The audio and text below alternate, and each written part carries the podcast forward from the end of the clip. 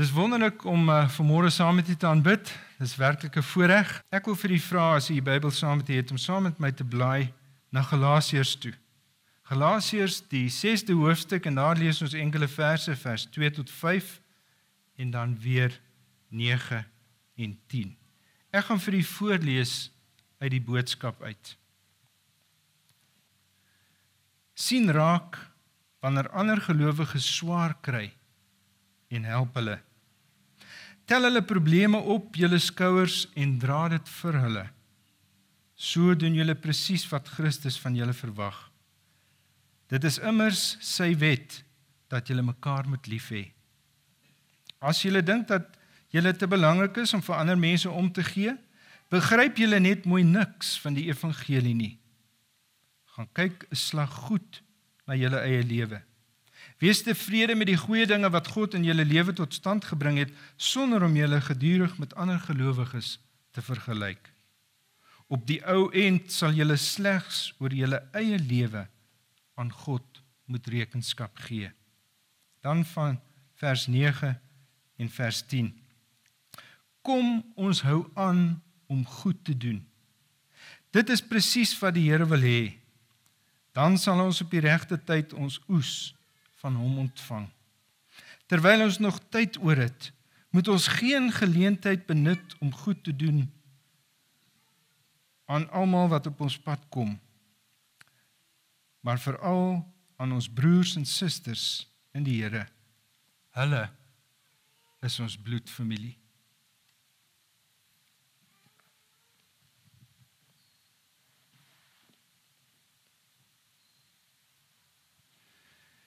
D.J. Opperman skryf in sy gedig Belade van 'n Grysland in een van die verse die volgende woorde.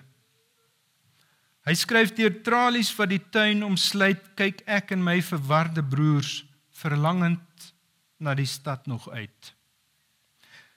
Hoe deur die reën en laaste lig krikkig soos nat voels loop elke jas met sy gesig. Hoe krikkig soos nat voels loop elke jas met sy gesig. Jy weet mense se gesigsuitdrukking is eintlik soveel seggend. Dit sê vir ons so baie van 'n mens. Sommers so met die eerste kennismaking dan kan jy 'n indruk kry. Jy kan iemand trakseer op sy gesiguitdrukking. Had jy in die ou dae 'n goeie gesig, 'n skoon gesig gehad, het die ou mense gesê, "Wel, ons kan so iemand vertrou. Dit het niks met uiterlike skoonheid te doen gehad nie. Jy het net so gevoel gehad. Kon jou een kyk gee en dan kon hulle kon hulle sê, "Wel, dit lyk of of ons hierdie hierdie persoon kan vertrou." So kan iemand se gesig straal van geluk. Maar dit kan ook vertrek van pyn. Dit kan bleek word van skrik. Dit kan rooi word van woede of van skaamte. En net so kan 'n glimlag ook spontaan wees. Maar saam met daardie spontane glimlag kan dit smalend en minagtend wees. Selfs 'n kyk is eintlik nooit neutraal nie. Ons sê so baie deur ons gesigsuitdrukking. Dit sê soms baie meer as woorde. Nie verbale kommunikasie is wat die sielkundiges dit noem. Wat meer is broer, wat meer is broers en susters is dat gesigsuitdrukkings eintlik ook so baie keer misleidend kan wees baie keer misleidend. Want iemand se eie gesig kan ook as 'n masker ingespan word. En ons sien dit so dalk dikwels en ons ervaar dit. Ons vra vir iemand, "Hoe gaan dit?" Ja, die standaard antwoord, "Dit gaan goed." En baie keer skuil mense agter hierdie fasade, agter hierdie mombakkies. As skuil baie keer baie pyn en hartseer agter hierdie plastiek glimlag. En nou is dit merk, merkwaardig. En is eintlik ongelooflik om te glo in hierdie tyd waarin ons leef, 'n tyd waar ons in sogenaamde verbeterde kommunikasie media het en kommunikasie leef. Ons leef in 'n tyd van Mixit, Facebook, Twitter, Skype, e-posse. Dat al hierdie tegnologie wat ons eintlik nader aan mekaar moet bring, ons eintlik nog weer verder van mekaar wegstoot. Dit veroorsaak afstand tussen mense. Daar's nie meer daardie intense persoonlike kontak met mekaar nie. Veral in die stede. Juis omdat dit so besig is omdat mure opgerig word om sekere elemente buite te hou, omdat alles gesluit moet word, is daar 'n tendens dat ons meer gesigloos word vir mekaar. In 'n sekere mate het mense se gesigte eintlik vir ons net nog 'n gesig in die skare geword. Ja, ons maak so baie kontak met ander mense, maar dit is eintlik vlugtig. Dit is net oppervlak oppervlakkig. Ons kommunikeer nie werklik nie. Want die werk wag. Die dag is besig, die dagboek is vol. Tyd staan nie stil nie. Ons is pligsgetrou. Ons is taak georiënteerd. Ons moet sekere dinge doen. En eintlik dan skiep ons die wat belangrikste is vir ons eintlik bietjie af en hulle kom aan die onderkant van die lys. Maar weet jy liewe vriende, liewe medegelowiges vanmôre, hierdie toedrag van sake hoort nie in die huis van God nie. Dit hoort nie onder die gemeente van Jesus Christus nie, want 'n gemeente is juis die ruimte wat uitdrukking hoort te gee aan die gemeenskap van gelowiges. En wanneer ons praat van gemeenskap van gelowiges, dan praat ons van gelowiges, broers en susters. Ons is broers en susters van mekaar. Ons bly in dieselfde huis. Ons het dieselfde gemeenskaplike Vader. En daarom hoort ons soos een te wees. En hoort ons mekaar se lief en leed te kan dra. Ons moet mekaar se laste te kan dra, want deur sy Gees het Christus ons bymekaar gebring. Nie alleen dat God weer uh nie in die oë gekyk kan word nie, maar dat ons mekaar ook in ons verkeer as broers en susters sal ervaar. Elke jas met sy gesig. En agter elke gesig is daar 'n hart. En in elke hart is daar 'n individu, 'n persoon, iemand wat daar woon. Dis dalk iemand wat langs jou sit vanmôre. Dis dalk iemand in die kerk, dis dalk iemand in jou huisgesin verband. Ja, dis dalk iemand wat jy nodig het. 'n Jas met 'n gesig en ons moet agter daardie gesig kom. Mense smag na persoonlike aandag. Ten spyte van die feit dat ons kommunikeer, dat ons e-posse stuur, dat ons kontak maak, smag mense na mense liefde oorgelewer deur mense hande. Sien die kritiese vraag van moeder is eintlik Hoe kan ek as 'n Christen gelowige in die tyd en eeu waarin ek lewe, hoe kan ek in my getuienis betrokke raak by ander mense. Wat sal veroorsaak dat my getuienis nie 'n meganiese pligpleging is nie, waar ek dit my plig beskou, waar ek selfdissipline moet toepas om myself te dwing om deel te neem aan hierdie ding wat so van my vereis word. Hoe kom ek by die punt in my ervaring waar my Christelike ervaring, waar my getuienis natuurlik word, waar dit 'n uitvloeisel is, waar dit 'n onwillekeurige aksie is in my gedragspatroon, amper soos Ons besef nie eintlik nou maar ons is besig om asem te haal.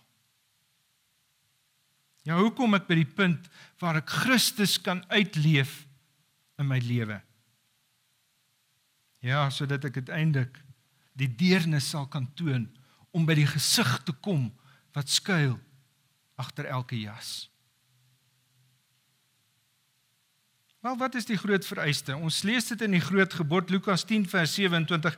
Jy moet die Here jou God lief hê met jou hele hart, met jou hele siel en met jou hele krag en met jou hele verstand. En dan wat? En jou naaste soos jouself. Nou maar goed dan, Here, wie is my naaste? Dis wat die ryk jong man gevra het. Dis die kernvraag. As ons dit so kan stel, die jackpot vraag. Hierdie is die kernvraag. Sê vir my, En dan vertel Jesus om daai bekende verhaal van die barmhartige Samaritaan. Dis die een, sê Jesus, wat betrokke geraak het, wat medelee getoon het, wat sy hande vuil gemaak het, wat aangeraak het. En dan om dinge om, om verdere lig te plaas, sê 'n geïnspireerde skryfster vir ons die volgende: Elkeen ongeag sy stand of ras, elke sulke behoeftige wat ons pad oor kruis is ons naaste. En uh, terwyl ons kyk na daardie prentjie, dink ek moet ons bid vir wysheid om te kan onderskei wie kansvatters is en wie eintlik ons naaste is. En ek glo die Here sal dit vir ons toon. Nou broers en susters, ek vir hierdie vraag vra vanmôre, het ons die Here lief? Dan sal jy vir my sê, maar dis 'n dom vraag. Natuurlik het ek die Here lief. Natuurlik het die eh, volgekom. Dis van selfsprekend. Dis nie eers ter sprake nie. Ons doen graag die wil van die Here. Ons doen graag wat hy sê. Ons ons neem deel in die missie van die kerk. Ons voer die evangelie opdrag uit. Ons leer mense, ons doop hulle in die naam van Jesus. Ons leer hulle om te onderhou wat hy beveel het. Maar weet jy vriende, baie keer raak ons so vasgevang in die missie van die kerk dat ons versuim om die sendingveld en die behoeftiges reg rondom ons mis te kyk. Wat was die sending opdrag van Jesus aan sy disippels? Was dit nie gewees dat hulle moes uitgaan eers waar in Jerusalem en dan Judea en dan na Samaria en dan na die uithoeke van die aarde toe nie? Baie keer soek ons die sendingveld buitekant hierdie kerk, maar kan ek vir my verstout vanmôre om te sê dat die primêre sendingveld van Magaliese gemeente lê eers hier in Jerusalem. En wanneer ek sê dit lê hier in Jerusalem, dan verwys ek na behoeftige kinders, na wese, na weduwees, na na bejaardes. Ek ek verwys na mense wat weens omstandighede van die lewe wie se lewens in krisisse gedompel is. Mense wat swaar kry. Swaar kry in eie geleedere. Jy weet, ek voel geweldig passief vir u oor. Baie kere is ons so behep met om nie net daar buite te gooi dat ons miskien vergeet om ons eie jong mense te bearbei en hulle voor te berei die sendingveld te ontdek hier in in Jerusalem. Ons het geweldige programme wat ons uitbied, pamflette wat ons druk, advertensies wat ons uitrig en uitstuur. En ons kyk miskien baie keer daai sendingveld hier in ons midde kyk ons mis. Ek wil net vir u vra vanmôre. Sal u asseblief u hand opsteek as u weet van mense wat voorheen toegewyde Christene was? Wat kerk toe gekom het wat nie meer kerk toe kom nie. Wys vir my hande. My broer en suster, dis die sendingveld in Jerusalem. Dis die sendingveld hier in Jerusalem. En baie keer is ons so behep met ons missie daar buite dat ons hierdie miskyk agterdeur staan oop en hulle glip ongesiens uit ons teenwoordigheid uit. En ons sien sulke mense nooit weer nie. Nou wil ek hê dat u moet oplet. Daar's 'n sekere dinamika in hierdie teks van Lukas 10:27. En ons besef dit by implikasie nie eintlik wanneer ons dit lees nie. Dis die tweede helfte van hierdie groot gebod. Die eerste een is is vir ons reg. Hy sit reg.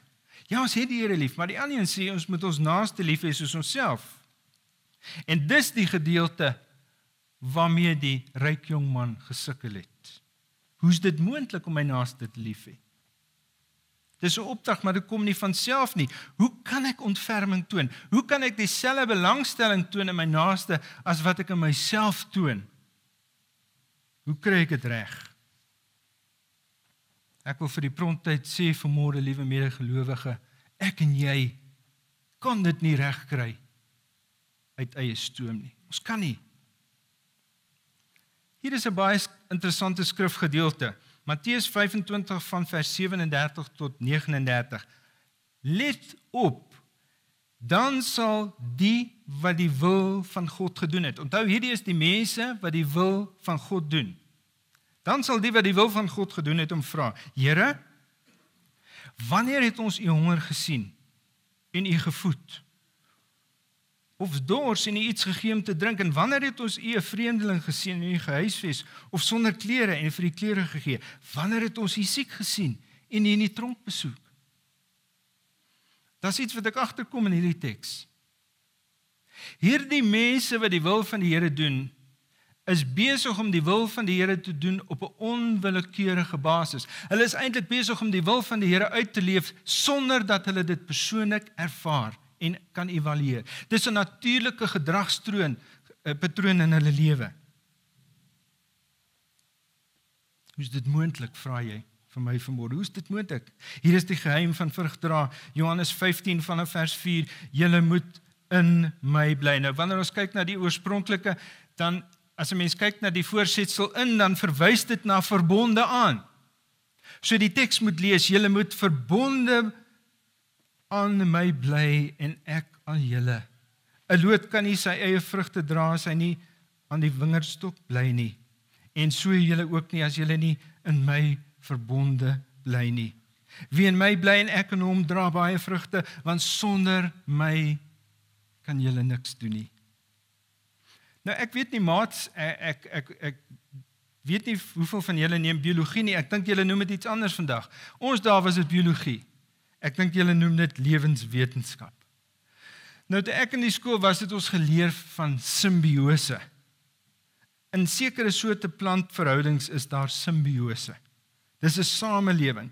Dis waar twee plantorganismes in interafhanklikheid van mekaar afhanklik is vir hulle bestaan. Die Oxford Dictionary se definisie van symbiosis is a permanent union between organisms. Ek hou daarvan, a permanent union between organisms. Nou as gevolg van hierdie permanente verbondenheid aan mekaar, vind daar nog iets plaas. Omdat hierdie twee organismes verbind is, vind daar 'n divisie plaas.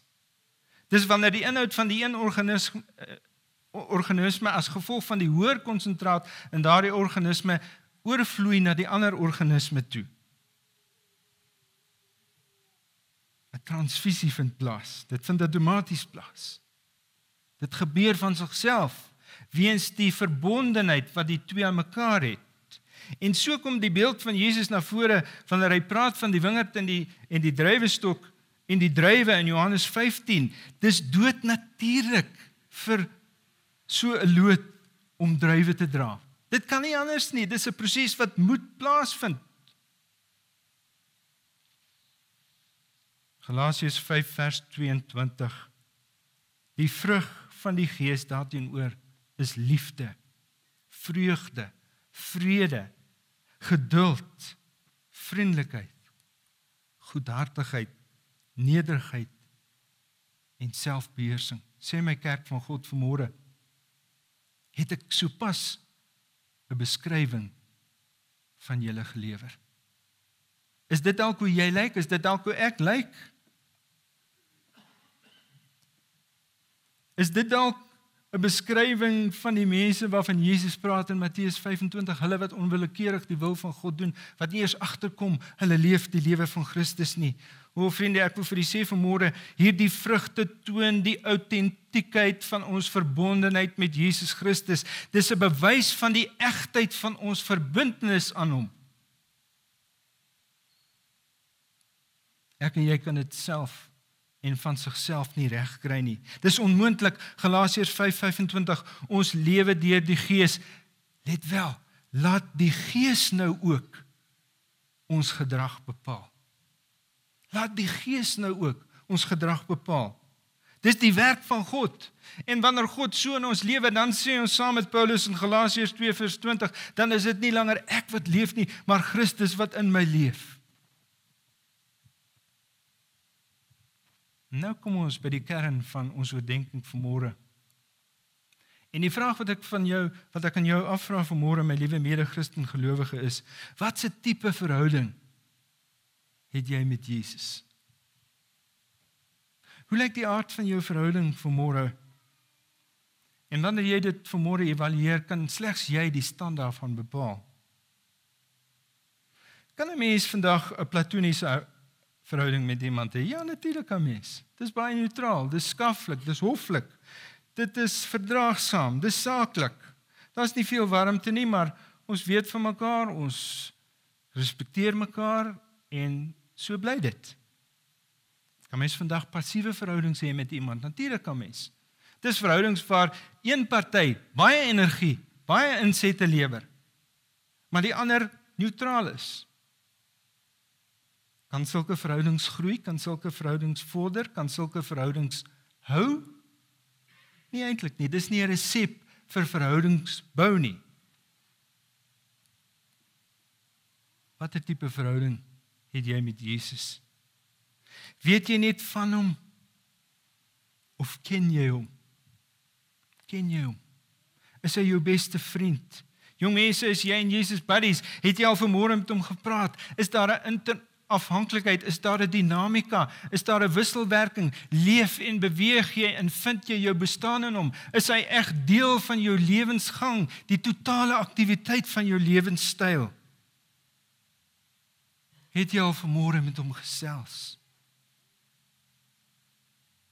Van hierdie een ding is ek seker in my hart en dit weet ek dat wanneer ek en jy in so 'n lewende dinamiese verhouding met Jesus Christus staan, dan kan ons nie dieselfde mense bly nie. Dan vind daar 'n divisie plaas van die hoër konsentraat na my die laer konsentraat toe en verander my lewe na die pragtige beeld van Jesus Christus. En dan wanneer mense met my verkeer sonder dat ek eintlik hoef te konsentreer op my gedrag, dan sien ander Jesus in my lewe. En is dit hy wat nou voorskyn kom in my lewensoptrede? Is dit wat besig is om te gebeur in jou lewe vanmôre? As dit is, dan sê ek vanmôre loof die Here daarvoor. Want as dit so is, dan vervul jy jou primêre roeping as Christen gelowige.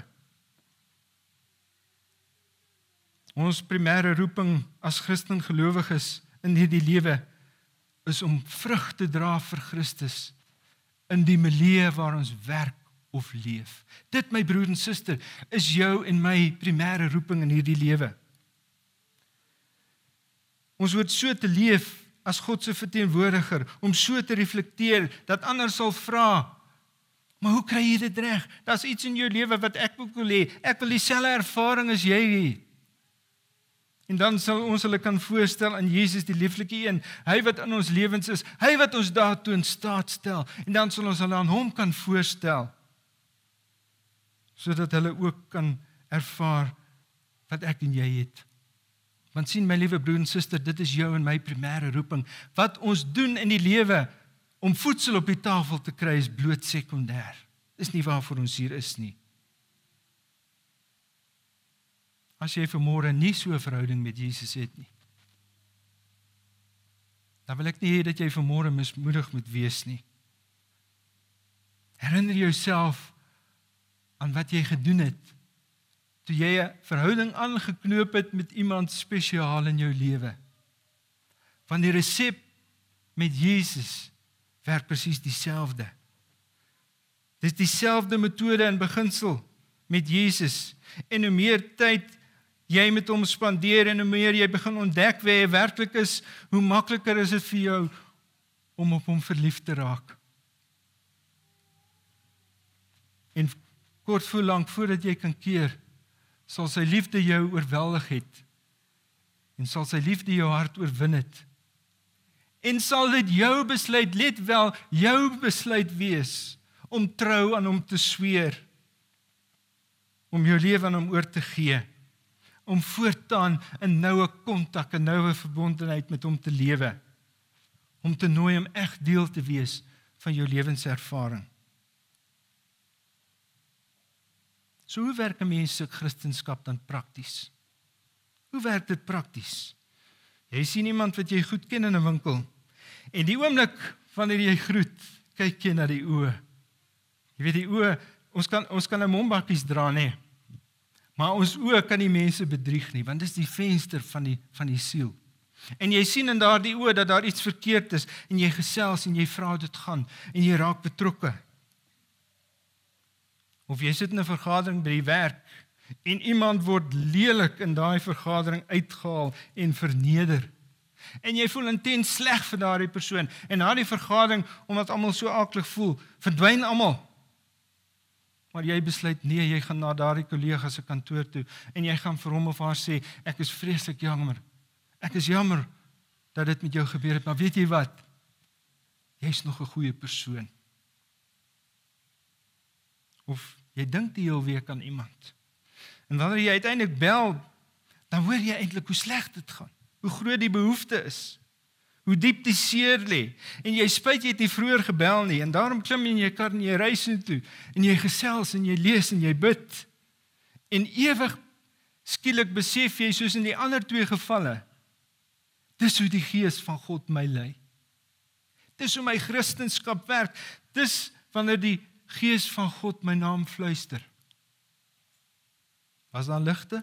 Nee. Behalwe jy. Want jy het sopas een aangesteek. Was daar stemme? Nee. Maar jy was pas een. Was daar sigbare wonderwerke? Nee, maar as jy mooi kyk, sal jy sien dat jy sopas deel was van 'n wonderwerk vir iemand anders. Die vraag net my broer en suster, luister ons na die fluistering van die Heilige Gees? Is ons ingestel? Is daar 'n gewaarwording in ons wanneer die Gees tot ons spreek? As ons is, sal ons hoor hoe God ons naam fluister. En dan sal ons hoor En dan sal ons praat. En dan sal ons bereid wees om betrokke te raak. Verbeel jy jy sit in 'n koffiewinkeltjie. En oor kan die tafel waar jy sit is daar 'n gesprek aan die gang. En jy hoor hoe dat een persoon vir die ander by die tafel vra. Sê my. Waar's Magaliesig is die kerk? en jy hoor hoe die dame aan die tafel 'n antwoord gee en sy sê kyk bietjie daar daar aan die agterkant van die winkeltjie daar sit iemand daar sit 'n persoon as jy die kerk soek gaan praat met haar. Sy's 'n volgeling van Jesus. Sal dit nie aangrypend wees nie? Sal dit nie wonderlik wees nie? En jy weet vriende vanmôre baie kere wanneer ons van kerk praat dan dan het mense outomatiese afleiding wat hulle maak en hulle assosieer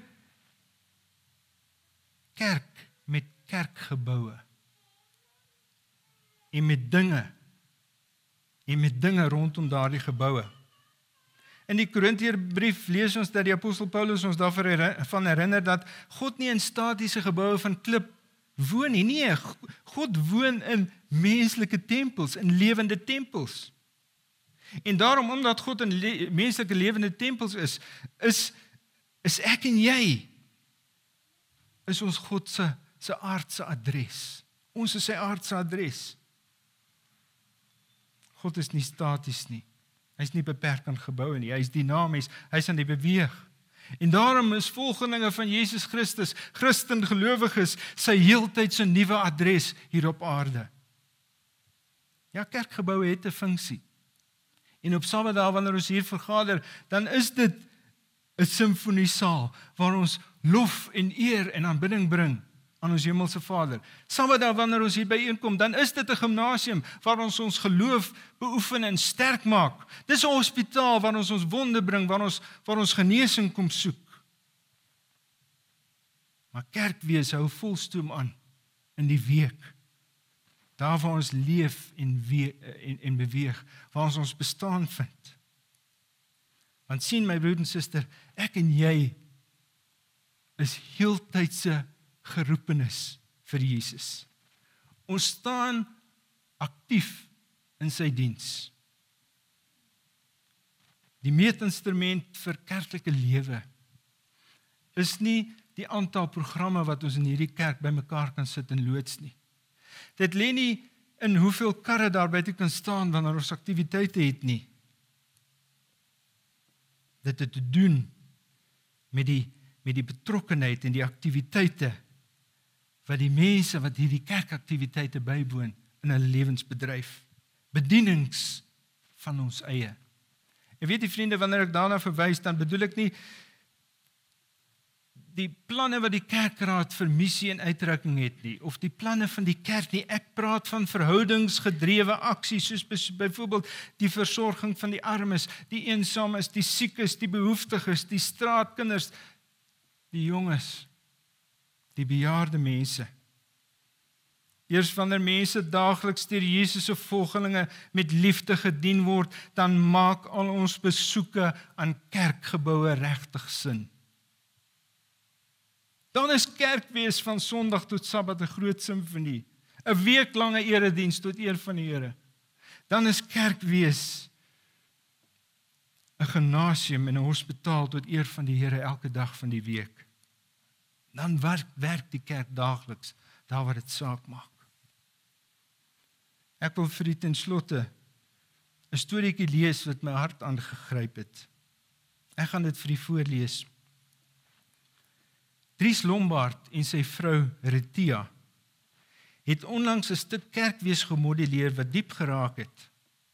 Die skrywer van die storieetjie sê ek het uitgevind dat Dries vir sy tuiswerker Sofia en haar man Philip wat op 75 jarige ouderdom vir net R500 per maand as veiligheidswag werk, help huisbou het in Hammanskraal.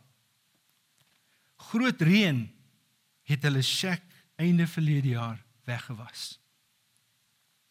Toe spring Dries hulle in in hulle gele motor vir Philip om materiaal aan te ry vir 'n nuwe plekkie.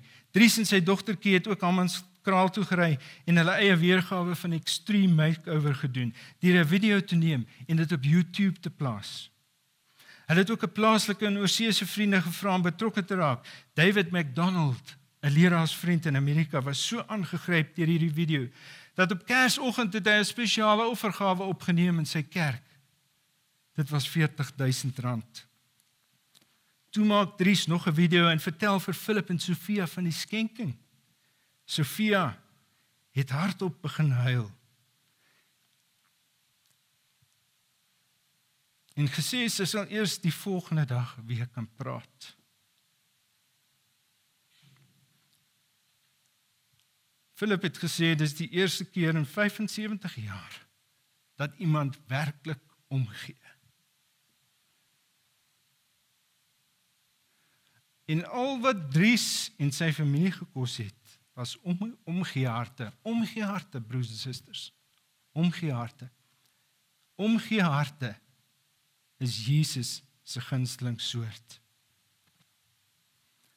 As jy dan vandag vir my die pad na die kerk toe wil aanvra, dan betuie ek vir jou die pad na die Lombard se huis.